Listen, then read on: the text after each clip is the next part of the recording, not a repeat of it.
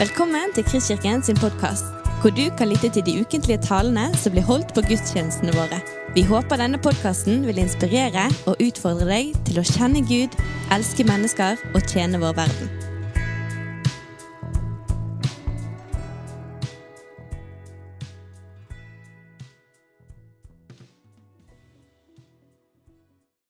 Jeg kan kort si, for de som ikke er klar over hvem jeg er, så heter jeg Håvard. og eh, er med i lederskapet her. Er en av to som for tiden har en sånn pastorhatt på hodet og fortjener Gud gjennom den funksjonen. Ja. Ok. Dere, eh, forfatteren Philip Jansi skrev en gang en eh, bok med tittel 'Den Jesus jeg ikke kjente'. Noen som har vært borti den? Ja. Tittelen levner jo ingen tvil om hvor denne Philip vil. Én ting er den Jesus man settes på sporet av. Den man får eh, servert og presentert. En annen ting er den Jesus virkelig er. Og jeg vil eh, innlede med en aldri så liten fakkel her i dag. Og si at en av de sider ved Jesus jeg tror har blitt misforstått av mange mennesker, både troende og ikke-troende, det er Jesus sitt syn på arbeid. Mulig blir jeg i overkant eh, triksende med tankene våre her nå, men vi kan jo få inntrykk av at Jesus, tømmermannens sønn, han vokste opp i pappas snekkerbu. Et sted måtte han jo holde til i disse forberedelsesårene. Et sted måtte han jo være før det virkelig viktige, det egentlige, skulle skje i hans liv. Noe måtte han jo sysle med der i venteperioden. Og følelsen blir at han ikke først og fremst bygget kasser, men karakter. Før han skulle stå fram. Og kanskje dere forsterkes dette inntrykket her av at han i en alder av 30 år forlater snekkerbua uten å se seg tilbake. Snekkerbuksen byttes ut med rabbidrakten. Og tidlig henvender han seg òg til to unge fiskere midt i deres arbeidstid. Følg meg. som dermed har fått kalle til noe annet, noe høyere. Og de legger umiddelbart fra seg noten. Jesus kalte de bort fra det daglige arbeidet. De var blant de utvalgte som heller skulle få være med å gjøre noe åndelig. De skulle være fulltidsengasjert i Guds rike. En av de var Peter, som tre år seinere vender nesen hjemover. Det ble ikke noe av det med tjenesten likevel. Og en gripende scene utfolder seg, der vi hører han nærmest sukke til sine venner. Jeg går av sted for å fiske. Tilbake til fiskingen. Tilbake til arbeidsplassen, som jo Jesus hadde kalt han bort fra. Men dere, kan det tenkes at inntrykk som dette beror på vrangforestillinger? At dette ikke setter oss på sporet av den virkelige Jesus og hans syn på arbeid. Men at kallelsen av de gutta naturlig nok tilhørte sjeldenhetene, og at Jesus, Jesus anser arbeidsplassen for å være en av menneskenes primære arenaer for tilbedelse. I dag vil jeg være talsperson for det. Ved å henvise mye til Guds ord. Dette er del to av taleserien Endelig mandag, og min bønn til Gud er at vi i dag settes på sporet av Jesu høye aktelse av arbeid. En Jesus noen av oss kanskje ikke kjenner så godt.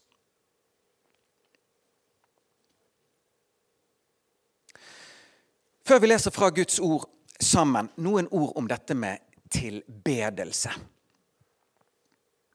Det er fort gjort å sette likhetstegn mellom overlappende saker i Guds rike, som også skiller seg fra hverandre. F.eks. ordparet 'tegn og under'.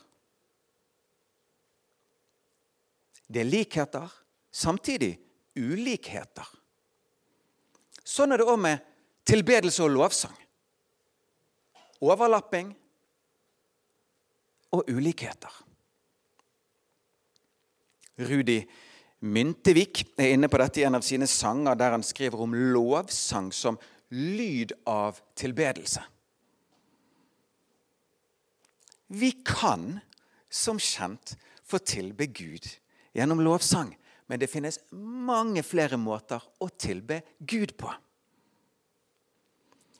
Robert Freiser, som tilhører eh, International House of Prayer i Kansas City. Et miljø som for øvrig har veldig peiling på nettopp lovsang og setter det veldig høyt. Skriver i boken som heter 'Å tjene Gud i arbeidslivet' at tilbedelse kan være mer enn en sang. Det kan være hva som helst vi gjør for å elske Han tilbake. Og Gud, sier han, tar imot kjærlighet i alle former. Livet vårt kan være et sammenhengende uttrykk for kjærlighet og tilbedelse. Dette samstemmer med hvordan Bibelen taler om hva tilbedelse er. I Gamle testamentet på hebraisk brukes som regel ordet shacha Vet ikke om jeg helt treffer på uttalelsen. Uttalen. I Nytestamentet, på gresk, brukes ordet proskuneo. Ingen av disse to peker mot å synge primært, men mot å bøye seg, falle ned, ære, hedre.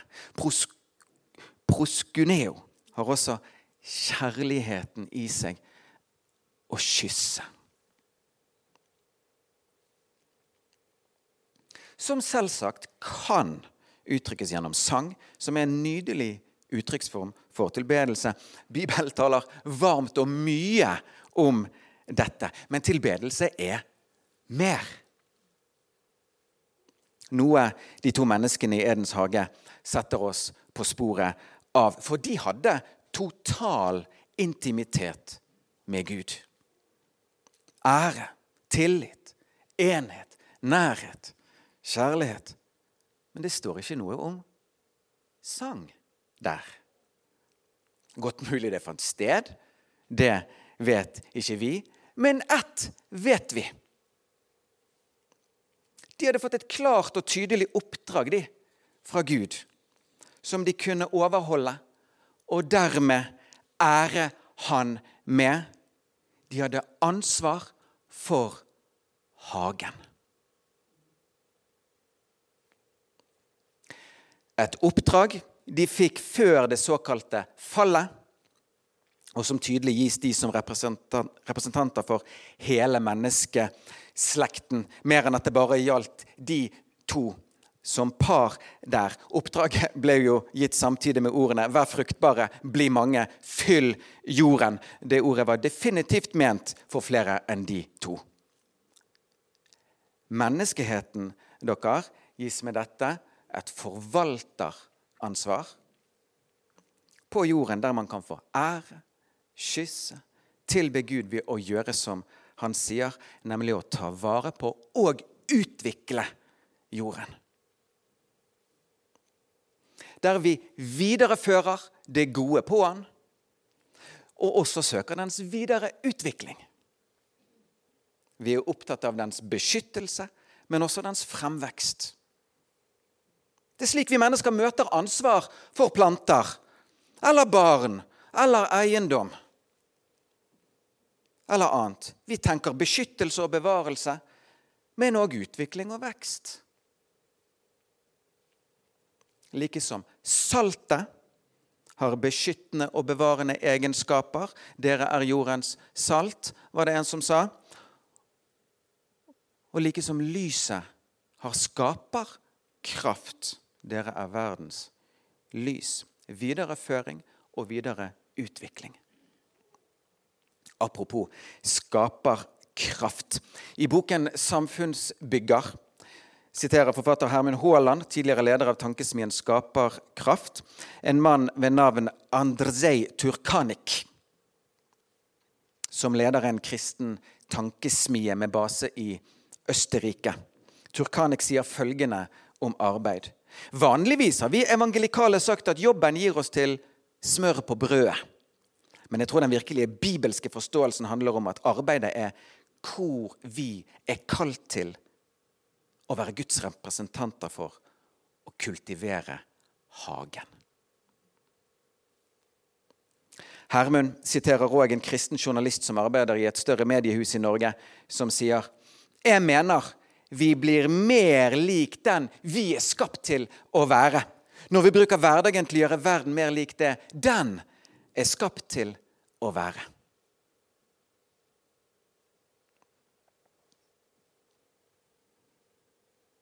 La oss lese noen ord fra Bibelen om arbeid. Først to nesten identiske ord til de troende i Efesus og i Kolosseum. Efeserne 6, 5-8. Dere tjenere, vær lydige mot deres jordiske herrer med respekt og aktelse av et oppriktig hjerte, som mot Kristus selv. Vær ikke øyentjenere som bare vil gjøre mennesker til lags, men som Kristi tjenere, så dere gjør Guds vilje av hjertet. Gjør deres tjeneste med et villig sinn, som for Herren og ikke for mennesker. For dere vet at det gode som enhver gjør, det skal han få igjen av Herren, enten han er trell eller fri. Kolossene 3, 22-24. Sjekk hvor likt det er. Dere tjenere, vær lydige mot deres jordiske herrer i alle ting, ikke med øyentjeneste for å gjøre mennesker til lags, men av et oppriktig hjerte, i ærefrykt for Herren. Det dere gjør, gjør det av hjertet, som for Herren og ikke for mennesker. For dere vet at dere skal få arven til vederlag av Herren. Tjen Herren Kristus. Dere felles for begge disse avsnittene er at de er myntet på tjenere, gjerne slaver, som var uten mulighet til å kunne endre sin stilling, men som kunne endre sin innstilling. De var uten mulighet til å kunne endre sin stilling, men hadde mulighet til å endre innstilling. Dette understrekes i 1. Korinterne 7, 21 og 24. Jeg siterer et utdrag her. Var du trell da du ble kalt? La det ikke bekymre deg. Bli hos Gud i den stand enhver var da han ble kalt. Altså da han ble en troende. Og dette er så revolusjonerende, dere. For han stiller sikte ekstremt presist inn på en sak her, nemlig at Nå som du er kommet til tro, kjære tjener, slave, arbeider Nå som du er kommet til tro, så handler ikke det mest om hvor du jobber, men om hvordan du jobber, og for hvem du jobber. Kanskje fikk du ikke ny jobb når du kom til tro, men du fikk en ny sjef. Du kan gjøre samme gjerning, men med et nytt hjerte. Ser vi på fellesnevnerne i disse skriftstedene her, så er det jo mye dette det handler om. Ha respekt for lederne dine. Arbeid oppriktig og villig. Arbeid som for Herren, for det er Han som lønner deg.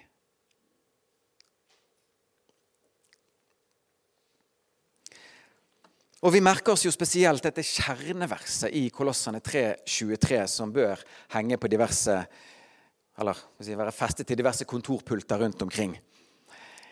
Det dere gjør, gjør det av hjertet, som for Herren. Og ikke for mennesker. I den kjente boken 'Practicing the Presence of God' Eh, broder Lawrence sitert på at den ypperste metoden jeg har funnet for å gå til Gud, er å utføre hverdagens gjøremål uten tanke på at jeg skal tekkes mennesker, men så langt som mulig gjøre dem ut fra kjærlighet til Gud og ikke noe annet. Her ligger det en uhørt frihet og venter. For det første i møte med anerkjennelse og arbeidet som for Herren. Det blir mindre viktig å få ros av de vi jobber med, og mer viktig med den rosen fra Han vi jobber for. Han som ser i det skjulte. For det andre i møte med f.eks. For forfremmelse her kunne mange ting vært nevnt, men bare for å trekke ut noen. Vi hviler i at vårt liv og våre tider er i Hans hånd. Vi kan overlate saken til Gud og sjøl søke å være tro i det vi er gitt og satt over. I noen tilfeller vil kanskje Gud også si at det er ikke tiden for ny stilling. Det er tiden for ny innstilling. For det tredje er jo det å jobbe som for Herren en vaksine mot en opplevelse av meningsløshet. Robert Freiser igjen. Sitat. Det spiller ingen rolle om vi er direktør eller dørvakt. Det som teller for Gud, er ikke oppgaven, men motivasjonen i hjertet vårt. Noen fortviler fordi de er fanget i en jobb som tilsynelatende ikke har noen betydning for Guds rike. De er som slavene for 2000 år siden som tilbrakte livet lenket til bunnen av et skip, der de satt og dro i årene dag ut og dag inn. Hvilke muligheter hadde disse til å engasjere seg i kristen tjeneste? Ingen skulle en tro. Noen av dem må utvilsomt ha tenkt at de aldri fullt ut ville få realisert sitt kall og sin hensikt. En slave hadde ikke kontroll over sin egen skjebne og ingen mulighet til å gjøre det som tradisjonelt sett har gått for å være tjeneste i Guds rike. Likevel kunne en slave legge seg opp lønn i himmelen. Akkurat som en hvilken som helst av apostlene.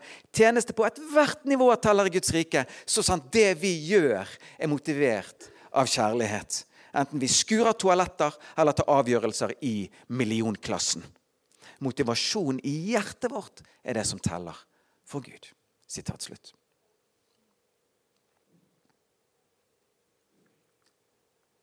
Dere tjenere, det dere gjør, gjør det av hjertet, som for Herren og ikke for mennesker. Og dere, Det fine med dette det er at dette ikke er et mentalt triks for å få det bedre på jobb.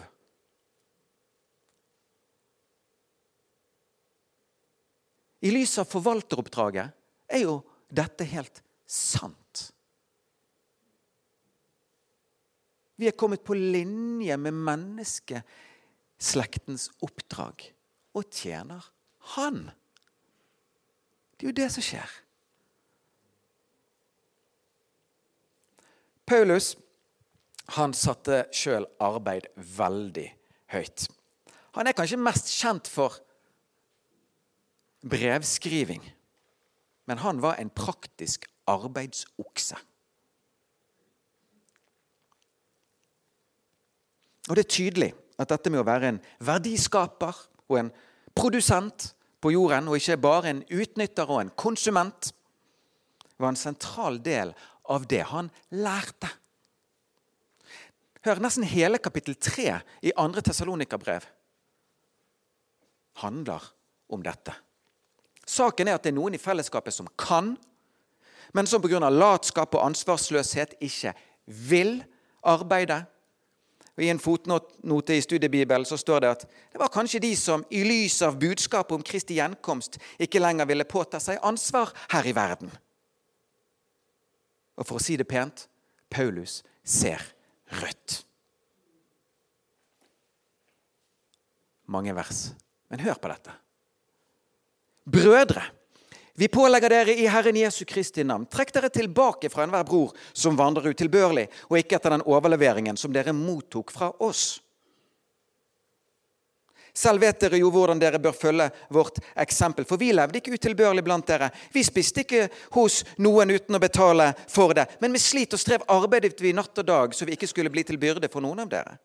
Det var ikke fordi vi ikke har rett til det, men vi ville at dere skulle ha et forbilde i oss, så dere kunne etterfølge oss. For alt mens vi var hos dere, ga vi dette påbudet. Den som ikke vil arbeide, skal heller ikke ete. Men nå hører vi at noen blant dere ikke skikker seg vel. De arbeider ikke, men er opptatt med unyttige ting. Slike folk får påbyr, påbyr og formaner vi i den Herre Jesus Kristus at de skal arbeide i stillhet og ete sitt eget brød. Men dere, brødre, bli ikke trette av å gjøre det gode. Men dersom noen ikke vil adlyde vårt ord her i brevet, så merk dere hvem det er. Ha ikke samkvem med ham for at han må gå i seg selv. Hold ham ikke for en fiende, men tal han til rette som en bror.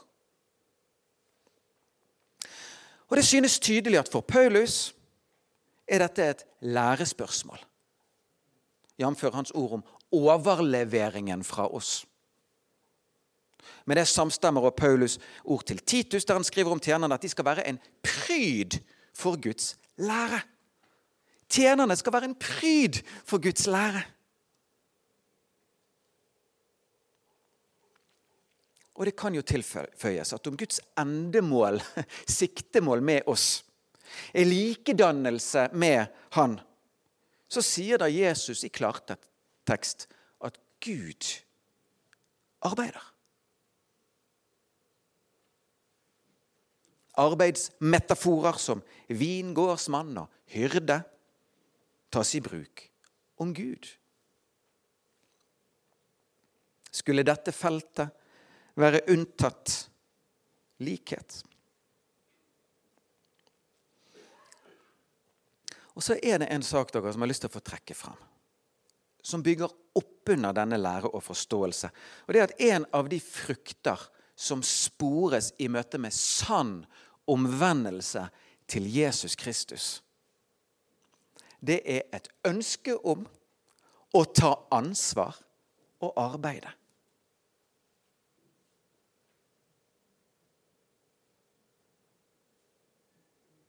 Åndens frukt, dere, kjærlighet, glede, fred. Men også vilje og lyst til arbeid. Hva forteller vel ikke det? Ånd driver oss altså til bruk av hånd. Fokuset på ånd og hånd er jo et av de fremste kjennetegn ved haugevekkelsen. Hør hvordan Alf Magnus skriver om disse tingene her fra første bok om Hauge, kalt 'Veirydder med gnagsår'. Holdninger ble skapt gjennom mottakelse av evangeliet. Budskapet transformerte de vakte. Og dette transformerte liv satte sitt preg på deres livsinnsats. I Hauges forkynnelse var nettopp samfunnsansvar og forvalteransvar deler av budskapet som stadig gikk igjen sterke saker. Møter med Gud fører med seg vilje til ansvar og arbeid. Inn i denne rekken føyer òg Paulus et ord til de troende i Efesus at den som stjal, må ikke stjele lenger, men heller arbeide og gjøre noe godt med sine egne hender, så han kan ha noe å gi til dem som trenger det. For en reise fra minus til pluss. Fra konsument til produsent. Fra tyv til giver. Dette vil Gud.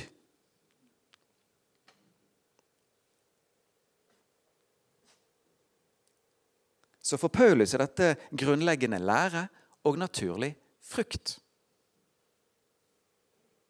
Alt dette og mer gjør til at jeg kjenner meg på trygg grunn når jeg hevder at arbeidsplassen vår er en av de primære arenaer for tilbedelse.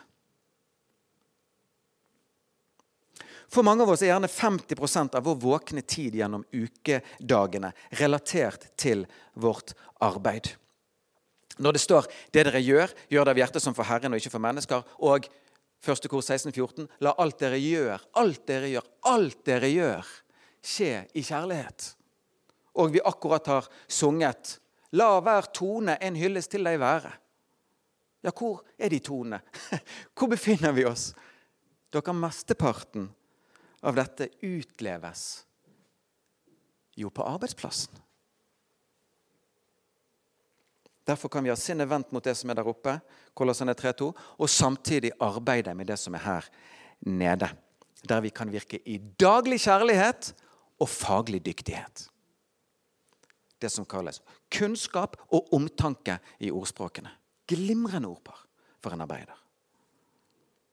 Det ligger ofte mye kjærlighet i dyktighet. Og Idet jeg går mot avslutning, så vil jeg bare pense meg inn på noen ting akkurat her. For én ting er å ikke arbeide for menneskers ære. Men svært mye arbeid gjøres jo for menneskers beste. Og det er noe annet. Det skjer på en et mylder av måter. På makronivå, på mikronivå. Og det er strålende saker. Og med det doble kjærlighetsbudet i bunn så skjønner vi at det å jobbe for andre menneskers gagn, det er til glede for Gud. Så dypt går dette i han, hos han, at han sier at det dere gjorde mot en av disse mine minste, det gjorde dere mot meg. Hebreabrevet har et fascinerende vers som treffer veldig presist inn i, i, dette. Det tales der egentlig om den utvelgelse som blir gjort i møte med kalt til å bli ypperste prest i Israel. Det var jo òg et arbeid og en profesjon. Men det står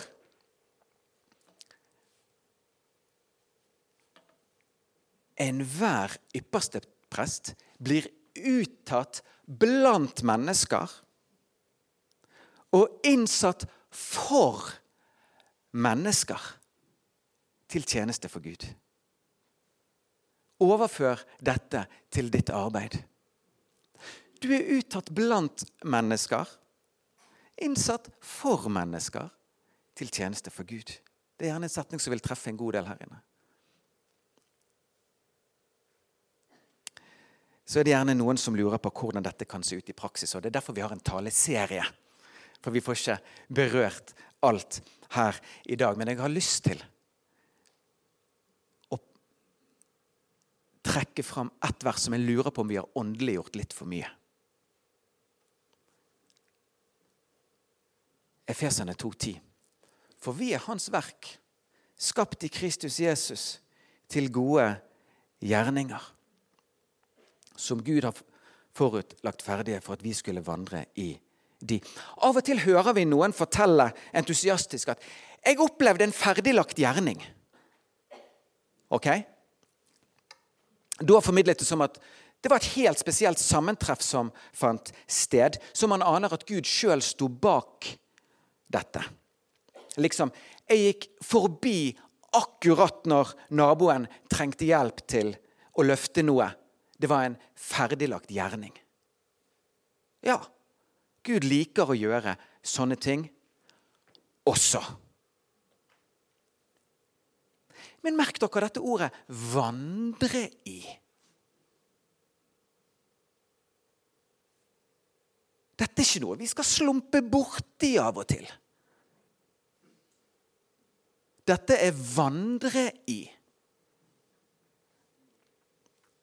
Og en tanke fra meg her, kanskje ny for noen. Hva om de ferdiglagte gjerningene deres òg kan være våre faste jobbrutiner? Hva om de ferdiglagte gjerningene Du vet hva som skal skje. Hva om de ferdiglagte gjerningene kan være dine faste jobbrutiner? Hmm.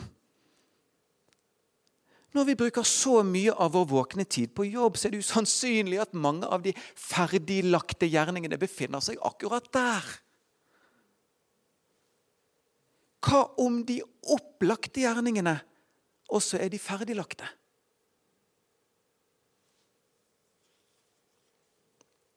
Og at det han er ute etter, ikke nye gjerninger, men nye hjerter.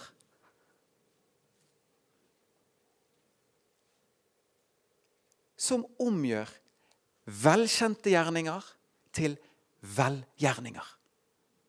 Som omgjør velkjente gjerninger til velgjerninger.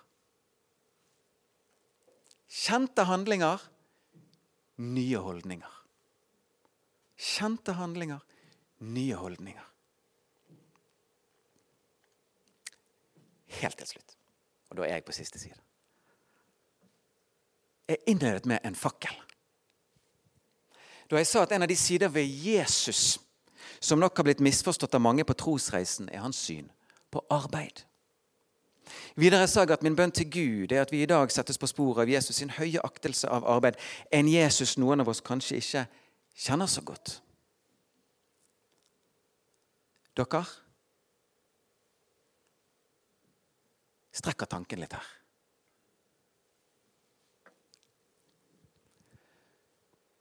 Hva om årene Jesus hadde som snekker, tømrer, byggmester, ikke bare var en forberedelsestid? Men at det å arbeide på jorden, ta ansvar, videreføre og videreutvikle, bevare og skape, i Guds øyne er en så stor del av det å være menneske at dette rett og slett ble prioritert av Han som kom og ble menneske lik. At de første 30 årene ikke bare var forberedende med fokus på fars relasjoner, karakterbygging, men at han som Paulus etterlot oss et arbeidsforbilde. Idet han tok del i menneskehetens oppdrag. Dere får prøve det. Men Guds altomfattende identifisering med oss mennesker muliggjør dette. Han kommer jo ikke for å bli tjent, men for sjøl å tjene, som han sa.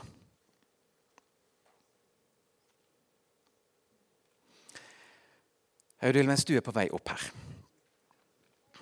så har jeg eh, en siste ting jeg bare vil dele. Bare for å strekke tanken litt forbi det nåtidige. Dere tror vi virkelig at eh, det som venter på andre siden av døden, er en endeløs ferie? Tror vi på det? Det er litt sånn Vi har stått på, vi i 60-70 år, så nå skal vi hvile i milliarder. Tenker vi sånn? En kjempelang ferie uten ansvar for små barn samtidig? Det er med tanke på at det var arbeid i Edens hage som vel må være det nærmeste sammenligningsgrunnlaget vi har for det som venter oss, og som vi ærlig talt vet lite om. Men det nærmeste sammenligningsgrunnlaget Drar vi det for langt hvis vi antar at det òg vil være arbeid på den nye jorden? Og I denne leia tror jeg òg at troen kan krølle seg litt av og til. For vi har denne tanken om himmel. Ja, hvordan arbeides det der? Men han skal jo Det står at det blir en ny jord. Der vil det nok bli en del arbeid, skal du se. Og Da skal vi få tilbe gjennom å arbeide for Herren. Og så blir det nok òg veldig god tid til lovsang. Amen. Du har lyttet til en podkast fra Kristkirken i Bergen. Vi håper du har blitt inspirert og utfordret i din vandring med Gud. Vil du vite mer om oss, så klikk deg inn på kristkirken.no.